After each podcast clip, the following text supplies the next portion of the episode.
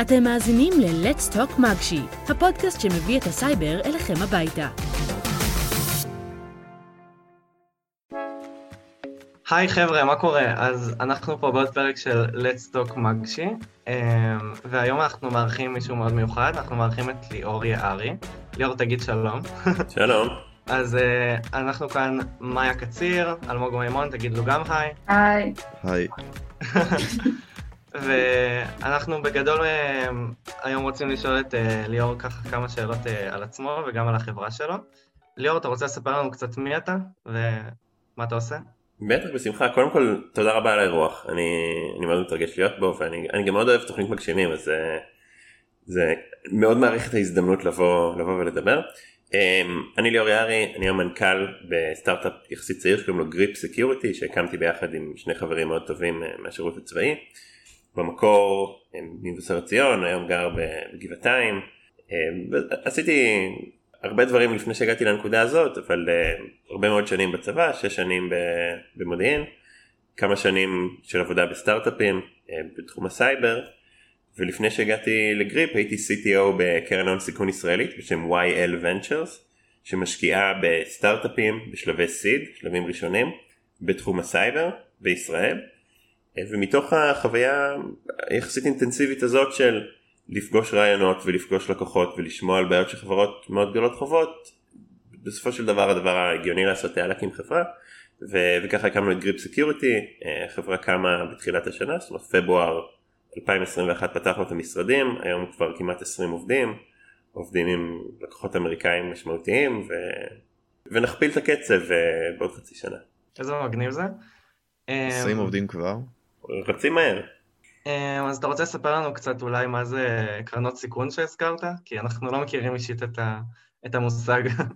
בטח בשמחה. קרנות הון סיכון, אה, venture capital, VC באנגלית, אה, זה בעצם המודל שמניע את אה, תעשיית הסטארט-אפים בשלבים הנורא מוקדמים. בהתחלה כשאנשים מקימים חברה הם צריכים כסף יחסית משמעותי כדי להגיע לשלב שבו הם יכולים להתחיל להכניס כסף ולא רק להוציא. וזה גורם ליזמים שרוצים, חושבים איזשהו רעיון ורוצים להתחיל אה, להרים אותו, לבנות אותו, לבחור אחת משתי אופציות. האופציה הראשונה, קוראים לה bootstrap, לעשות הכל בעצמך ולהתחיל בקטן ולאט לאט לאט לעבוד בגראז', להביא איזשהו לקוח ראשון, להכניס קצת כסף, לשכור איזה עובד ולצמוח. אה, הבעיה עם זה שלמוצרים טכנולוגיים מורכבים אי אפשר לעבוד עליהם שני אנשים בגראז', בטח לא אם אתה צריך לבנות אותם במשך שנים. וצריך לשכור צוות אה, שיבנה אותם וצוות marketing וצוות sales וכדי לעשות את הדבר הזה צריך כסף. אה, בסוף כמעט כל ההוצאות של חברות הסטארטאפים שאתם אה, רואים בישראל הן אך ורק על משכורות זה ב-90% מה, מההוצאות של חברה היום והפתרון המשלים שהעולם אה, בנה כדי לאפשר את זה זה אה, קרנות הון סיכון. זה בעצם גופים ש... שומעים מיזמים את הרעיונות שהם מציעים ובמידה והם מתחברים אליהם נותנים כסף ליזמים בתמורה לאחוזים מהחברה. אז אמ, אנחנו גייסנו סיבוב סיד, סיד זה בעצם הכסף הראשון שנכנס לחברה, אחרי זה יש אה, השמות המקובלים זה סיבוב A ו-B ו-C ושאר האותיות האנגליות. וגייסנו 6 מיליון דולר ועם ה-6 מיליון דולר הזה בעצם אנחנו יכולים לשכור עובדים, לשכור משרדים, בסוף יש לנו הצעות אסטרונומיות. אנחנו מדממים כסף אה, בתור חברה מתוך ההבנה שכשנבנה מוצר שהוא מועיל ונותן ערך לארגונים והם יתחילו לשלם לנו חזרה שווי החברה יגדל ובאיזשהו שלב קרן הון סיכון כשהחברה או תימכר באקזיט או תנפיק בבורסה תרוויח הרבה מאוד כסף בחזרה כי כשהיא השקיעה בחברה היא הייתה שווה מעט מאוד וכשהחברה הופכת לגדולה היא שווה הרבה מאוד כסף אז אם יש לך 20 או 30 אחוז בחברה שפעם הייתה שווה סתם אני זורק מספרים 10 מיליון דולר ועכשיו היא שווה 100 אז הרווחת 54 מיליון דולר שזה אחלה כסף. אמ, יש לי שאלה קצרה לגבי זה. יש, שמעתי את המושג חממת סטארט-אפים, זה, זה כאילו קשור, זה כאילו, זה, מה זה? מה זה חממה? אז חממה זה שלב אחד לפני, לפני VC, זאת אומרת בסוף במציאות לשכנע אנשים להביא לך מיליוני דולרים על בסיס uh, מצגת יפה שהצגת זה לא עבודה קלה. ובאופן כללי כמעט תמיד האנשים שמקימים חברה זה הם, הם חדשים בתחום. זה משהו שהם לא עשו אף פעם. והתעשייה בנתה אקו סיסטם של חממות. זה גופים שעוזרים לאנשים שמנסים להיכנס לעולם היזמות והסטארט-אפים ונותנים להם את הכלים אה, כדי להגיע לשלב הזה שבו הם יכולים לגייס כסף. מפגישים אותם עם לקוחות ומלמדים אותם איך לבנות מצגת ואיך לבנות תוכנית עסקית ואיך לבנות את כל הדברים שאתה צריך כדי שמישהו יסכים להשקיע בך. אה, אז תספר לנו בעצם איך נכנסת בכלל לתחום הייטק, כאילו עשית משהו תכנותי בצבא או שנכנסת לזה בהמשך ואם עשית משהו בצבא אז איך הגעת לשם? אני בכיתה ט', למדתי בתיכון לידע בירושלים, בכיתה ט' היינו צריכים לבחור מגמות והיה לי נורא ברור מה אני רוצה, בחרתי פיזיקה ותיאטרון, לא נשמע הייטק בינתיים, ובמקביל אה, התמניתי לתוכנית שקוראים לה מיט, אז זה היה Middle East Education through Technology, היום הם, הם החליפו, אותם ראשי תיבות, הם החליפו את המשמעות שלהם, אמ, אבל זה בעצם תוכנית אמ, של אוניברסיטת MIT, ספציפית לישראלים ופלסטינים שלומדים ביחד במהלך חופשת הקיץ, אה, עם מדריכים, סטודנטים בעצם מצטיינים מ-MIT שבאים לישראל, והם מלמדים אותם מדעי המחשב. עשיתי, הם באו להציע לנו בבית ספר, אמרתי לעצמי, אם אני אגיש מועמדות, לא, לא יודע אם זה מעניין אותי או לא. התקבלתי ואמרתי טוב אין לי מה לעשות בקיץ נלך זה נשמע מגניב MIT זה בסוף אחת האוניברסיטאות הטובות בעולם והיה ממש טוב זאת אומרת למדנו Java אז היום הם מלמדים Python ומאוד מאוד נהניתי ממה שעשינו גם, גם הייתי טוב בזה כמו שלא הייתי טוב בדברים אחרים שעשיתי בחיים ואיך שכאילו סוף הקיץ החלפתי את אה, תיאטרון במדעי המחשב הנדסת תוכנה ורובוטיקה. שינוי קיצוני. כן זה, זה קצת אחר קצת שונה מתיאטרון ויצא ששלוש השנים שאחרי זה אה, זו תוכנית תלת שנתית אז למדתי גם שם אבל בעצם השקעתי הרבה מאוד זמן אה, ללמוד בעצמי ולבנות דברים שעניינו אותי ולפתור פתרונות מעניינים. וכשהגיעה התקופה להתגייס לצבא אז, אז זה היה הדבר הטבעי לעשות. זאת אומרת, ידעתי שאני רוצה להתעסק במחשבים, לשמחתי גם הצבא הסכים עם, ה, עם התיאוריה הזאת, ושש השנים שאחרי זה העברתי, העברתי בלהתעסק במחשבים בצבא, בלי, בלי איזושהי תוכנית להפסיק באף שלב. שאלתם באוניברסיטה, אז יש לי תואר ראשון באוניברסיטה הפתוחה שעשיתי במהלך השירות, שהוא אה, מעניין ומסקרן, ואינו חופף לרוב הדברים הפרקטיים שלומדים כשלומדים לתכנת. אפשר לשאול איזה תואר עשית בשירות? מדעי המחשב. אה, מדעי המחשב. כן. ציפיתי לתיאטרון. לא, אה. אבל אה, סתם, זה מגניב לשמוע. כי זה דרך ממש דומה למה שכאילו אנחנו עושים. זה מאוד מזכיר, מאוד מזכיר את החוויה שאנשים חווים במגשימים. אה, ובגלל זה סיבה שאני מעריך את התוכנית. זאת אומרת, look, looking back על, ה, על ההיסטוריה שלי הייתה נקודה שזה פיבוט פוינט בזמן שאני יודע להגיד פה הכל התחיל. אמ, וזה לא משהו שיש לכולם.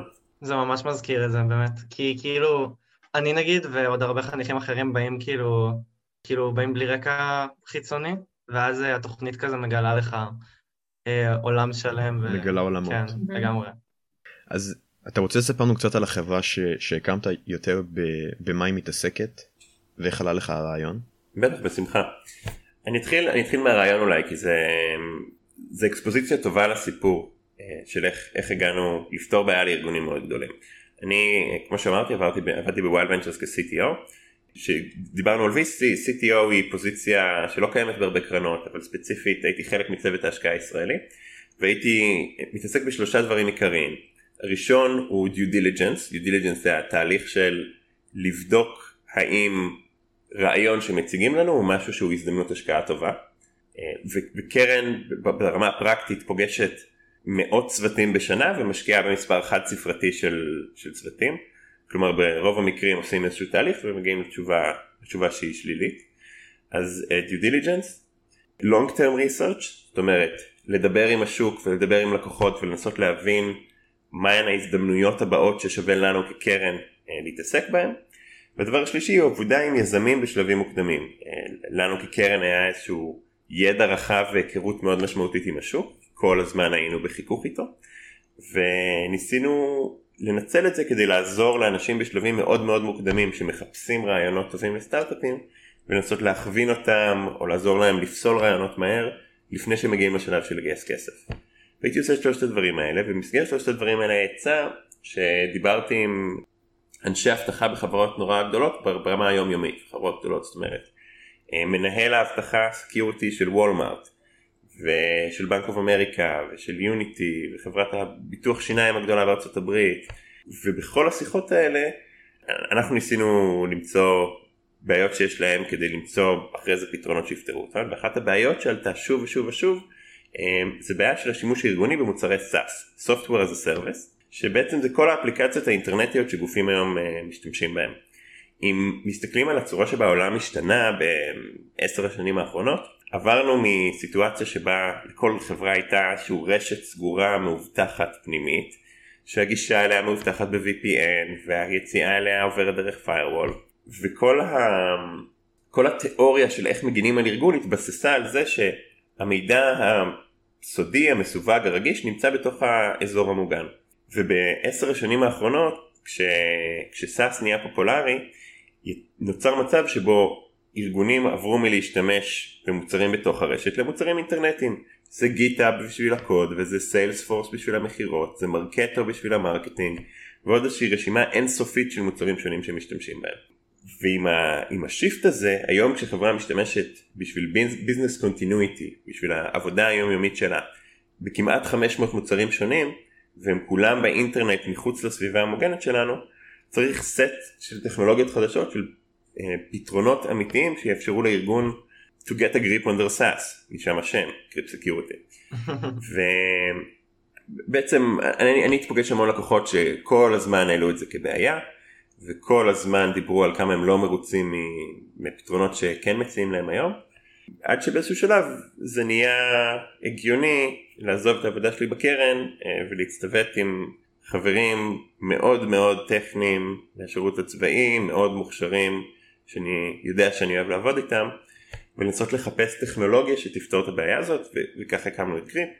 אז זה, זה מצחיק כי, כי גם ההורים שלי לא יודעים להסביר אה, למה, למה זו בעיה מה שאנחנו מנסים לפתור, אבל מהצד השני, זה נורא ברור לאנשי security בכירים בארגונים שמנסים לפתור את הבעיה הזאת ברמה היומיומית, אז רק כ highlight מה אנחנו עושים, אנחנו עוזרים לארגון למפות באיזה אפליקציות הוא משתמש. זו בעיה לא קלה בכלל בחברה שיש לה עשרת אלפים עובדים, להצליח להבין מי משתמש במה. אנחנו עושים את זה עם טכנולוגיה מאוד ייחודית שלנו. אחרי זה אנחנו נותנים להם בקרה על מי ניגש לאיזו אפליקציה ומאיזה מחשבים. היום, בטח בעולם פוסט קורונה, שאנשים עובדים מהבית, שאנשים עובדים מהמחשב הפרטי, ארגונים איבדו את השליטה במי ניגש לאיפה ו... ולאן. והדבר השלישי שאנחנו עושים זה אומרים להם איך משתמשים באפליקציה, איך המידע שלהם עולה ויורד מהאפליקציה, ונותנים להם את כל זה בתוך איזושהי חבילה אחת, מערכת אחת. עכשיו, אני לא יודע אם זה נשמע, אבל זה הרבה הרבה מאוד טכנולוגיה שצריך לפתח, ובגלל זה אנחנו מגדילים את החברה מהר ואנחנו רק, ב, רק בהתחלה.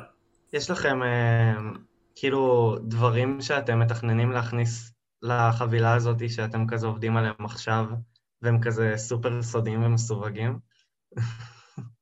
או שכאילו אתה יכול לספר לנו מה... מה אם אני אגיד כן אז תשאל אותי מה הם? כן. אמ, אני חושב שכשמסתכלים מבחוץ קשה, קשה לתפוס כמה מורכב לבנות מערכת שיכולה לעבוד בסביבה אה, של ארגון בסקייל. זאת אומרת, ארגון שיש לו עשרת אלפים עובדים, עשרות אלפי מחשבים, מספר דו ספרתי של משרדים שפרוסים בעולם, וכמות הפיתוח הנדרשת כדי להצליח לבנות מערכת ש... שעושה את הבר מינימום, בלי שהיא נותנת להם ערך ולא עושה להם בעיות, היא, היא רבה.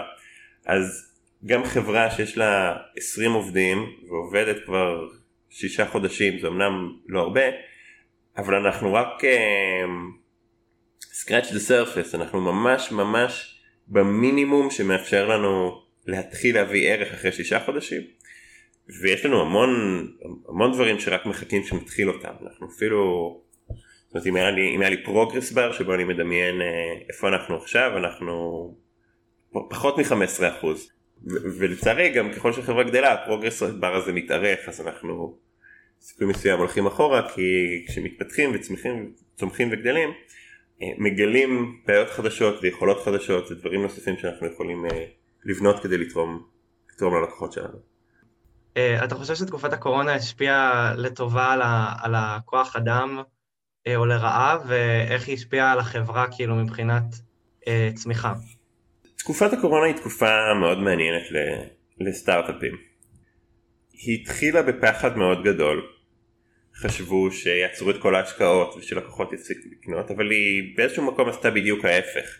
היא הביאה את הטכנולוגיה לקדמה, זאת אומרת, ארגונים היום הבינו שהם צריכים להתבסס על פתרונות טכנולוגיים, גם ספציפית ל-SaaS ול-Work From Home ולכל הטרנדים שאנחנו מתכתבים איתם היא עשתה מאוד טוב. אמ, שוב אנחנו, אנחנו לא פותרים בעיה שנוצרה בגלל הקורונה הבעיה הייתה שם גם לפני אבל היא עברה איזושהי, האצה לא טבעית שתורמת לנו. אנחנו הקמנו את החברה בפברואר 2021 אמ, זאת אומרת ראשון בפברואר 2021 פתחנו את המשרד ועל החוזה השקעה חתמנו מבידוד אמ, היה, היה סגר אה, בתקופה ההיא בתחילת 21 אה, ואת כל הכסף שלנו גייסנו בסגר ואת העובדים גייסנו בסגר. אני לא, אני לא יודע אם זה מקל או מקשה, אני חושב שהרבה אנשים בתקופה הזאת בוחנים אופציות שלפני זה הם לא היו בוחנים ועבודה בסטארט-אפ היא אחת מהם. אז בהרבה מובנים זה עושה לנו טוב. עכשיו כשיש, אה, כשחברה היא כבר הרבה אנשים ויש אה, עלייה בקורונה זה עושה לנו פחות טוב. כי אנחנו מאוד אוהבים לעבוד מהמשרד ואנחנו מאוד מפחדים שמישהו מהעובדים שלנו ידבק, אנחנו רוצים בטובתם.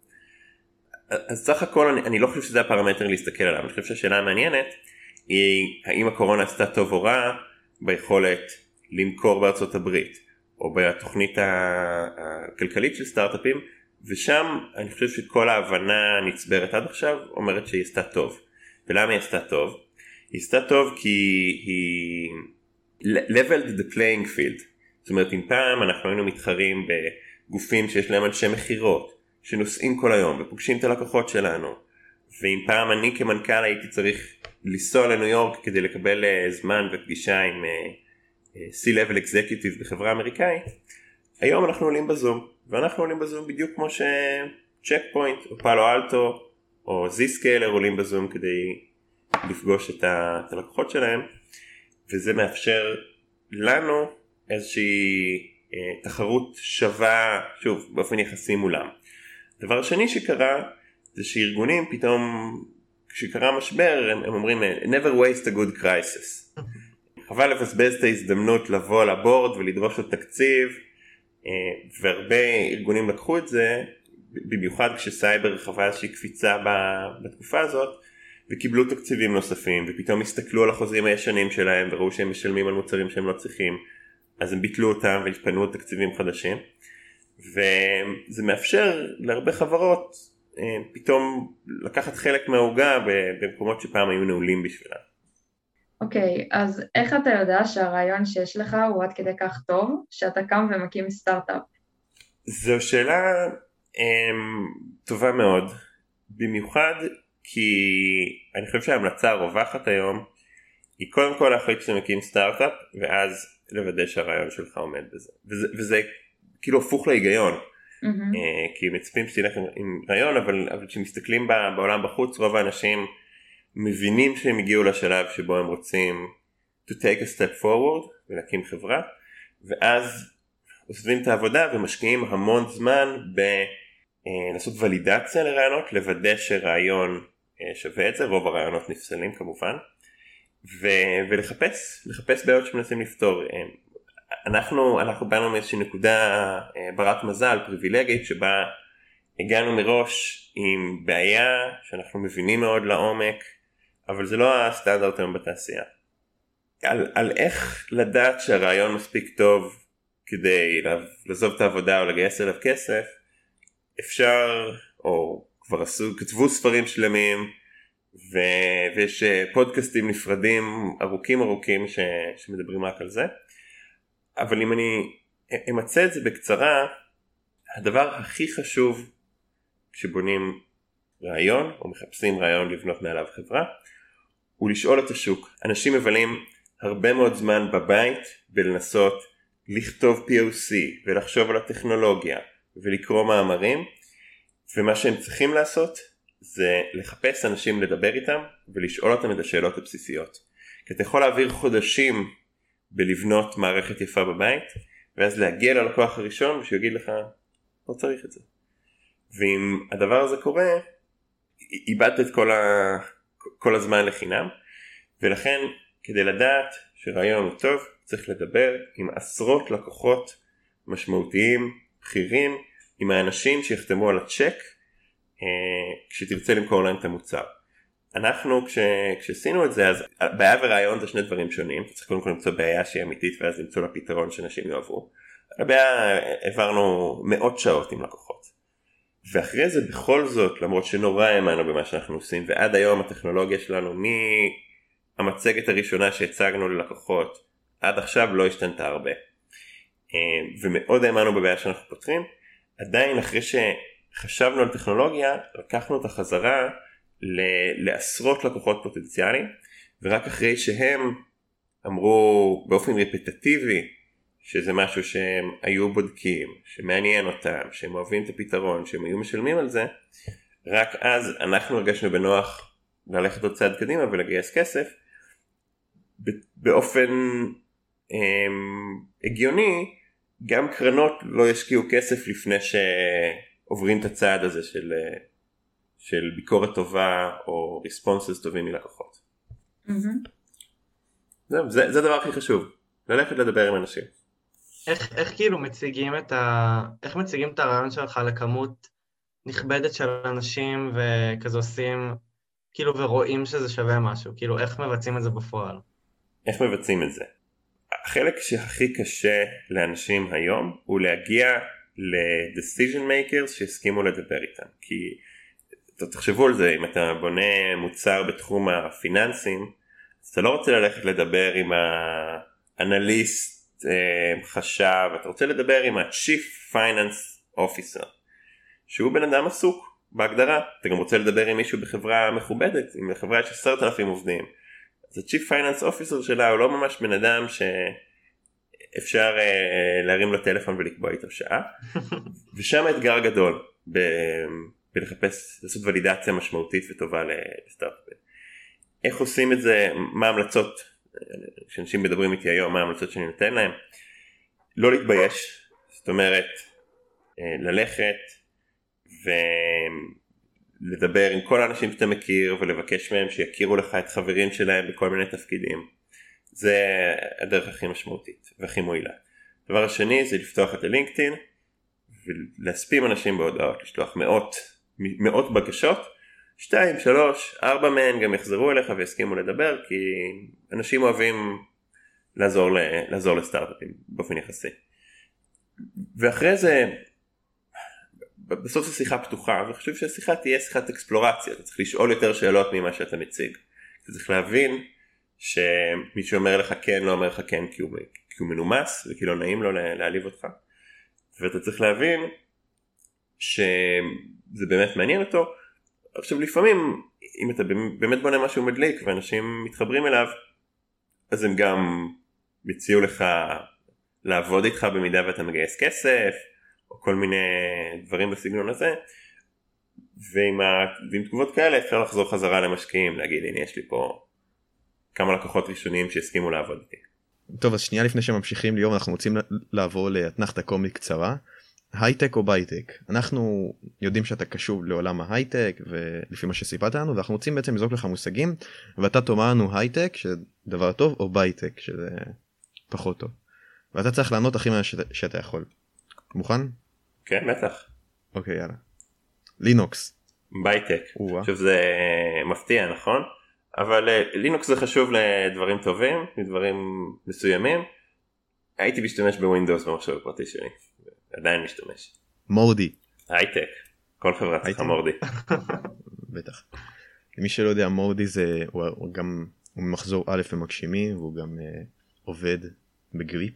מורדי אחד העובדים הראשונים ב Grip Security, אחד הצטרף ביום הראשון שהקמנו את החברה. אה, מגשימים. הייטק, ברור. פיצה סייבר. הייטק. אתה רוצה לפרט? אני ראיתי שם איזה התלבטות. הייתה רגע של, רגע של התלבטות, אני פשוט חשבתי על אה, כמות הפיצה שאנחנו מזמינים בשבוע. אה, ללא ספק הייטק. Assembly. בייטק. למה? אה, כי חבל על הזמן. בתור מי שהעביר הרבה, הרבה מאוד שנים ב IDA והרבה מאוד שנים עם Assembly, זה, זה כיף מאוד ותלכו ללמוד Python. שלומי בוטנרו. הייטק. ומושג אחרון, קפה. הייטק או בייטק? הייטק, הייטק. יש לי תקציב בבאג'ט של החברה לקפה והוא משמעותית גבוה יותר ממה שאתם חושבים. אלפי שקלים בחודש. משק... לא, משקיע חשוב. במה שחשוב אבל, כי קפה זה מאוד מאוד חשוב. פיצה וקפה. אני יותר בעד שוקו אבל uh, בסדר אני לא אתנגד. רואים שאתה בתיכון. מקבלים אותך. אז אמ, ככה, לפני שאנחנו מסיימים את, ה... את הפרק, אה, אנחנו רוצים לשאול שאלה אה, לגבי העתיד. אז אה, ליאור, אתה רוצה לספר לנו ככה מה אתה צופה לחברה, או איפה אתה רואה את, את עצמכם כזה בעוד אה, חמש שנים? אני רוצה שכשאנשים יחשבו על SaaS, אנשי security יחשבו על SaaS, הם יחשבו Grip. ואנחנו עובדים מאוד קשה בכיוון הזה, אבל לתפוס את ה mindshare זה משהו שלוקח זמן. ועוד שנה אנחנו נהיה 50 אנשים, ועוד שנתיים אנחנו בתקווה נהיה כבר 100. אמ, אז עוד חמש שנים מי, מי יודע מה יהיה, בתקווה, בתקווה בחדשות, בערוץ 2. מכל הערוצים. אוקיי, אז זה היה פרק ממש ממש מעניין, אה, ואנחנו רוצים להגיד לך תודה ליאור שהשתתפת והקדשת מהזמן שלך לבוא לפה, זה ממש לא מובן מאליו. בטח, בשמחה. אה, אלמוג אה, ומאיה, רוצים להגיד מילות, אה, מילות פרידה? היה מעניין, תודה רבה. כן היה ממש כיף ומאוד שונה כי יותר התעסקנו בתחום של ההייטק וסטארט-אפ וכוונות שזה משהו שאני חושב שגם המאזינים אולי שמעו את זה אבל לא היו בטוחים לגמרי מה זה אומר ואיך זה עובד אה, וזה היה ממש מעניין. יפי. אז שמחתי מאוד להיות פה, אני אוסיף כמילות סיום, אני פגשתי הרבה מאוד מגשימיסטים בקריירה שלי, יש לנו אה, שניים שגם עובדים אצלנו בחברה, כיף, לא קיבלנו אותם כמגשימיסטים, קיבלנו אותם כמוכשרים, אבל מגשימים יוצרת אה, הרבה מאוד אנשים מוכשרים כל שנה, לפחות מפנה אותם לכיוון הנכון, שהוא הכיוון של הטכנולוגיה, אה, וכל הכבוד למי שמשתתף. אני, אני מקנא, לא יכולתי לעשות את זה בעצמי. תודה רבה ליאור, בשמחה, נתראה בפרק הבא. ביי ביי. תודה שהאזנתם. להעשרות ולעדכונים נוספים, חפשו מגשי פארטי באינסטגרם. כמו כן, אם אתם מעוניינים להתראיין אצלנו, אנו מזמינים אתכם למלא את טופס ההרשמה בביו של מגשי פארטי.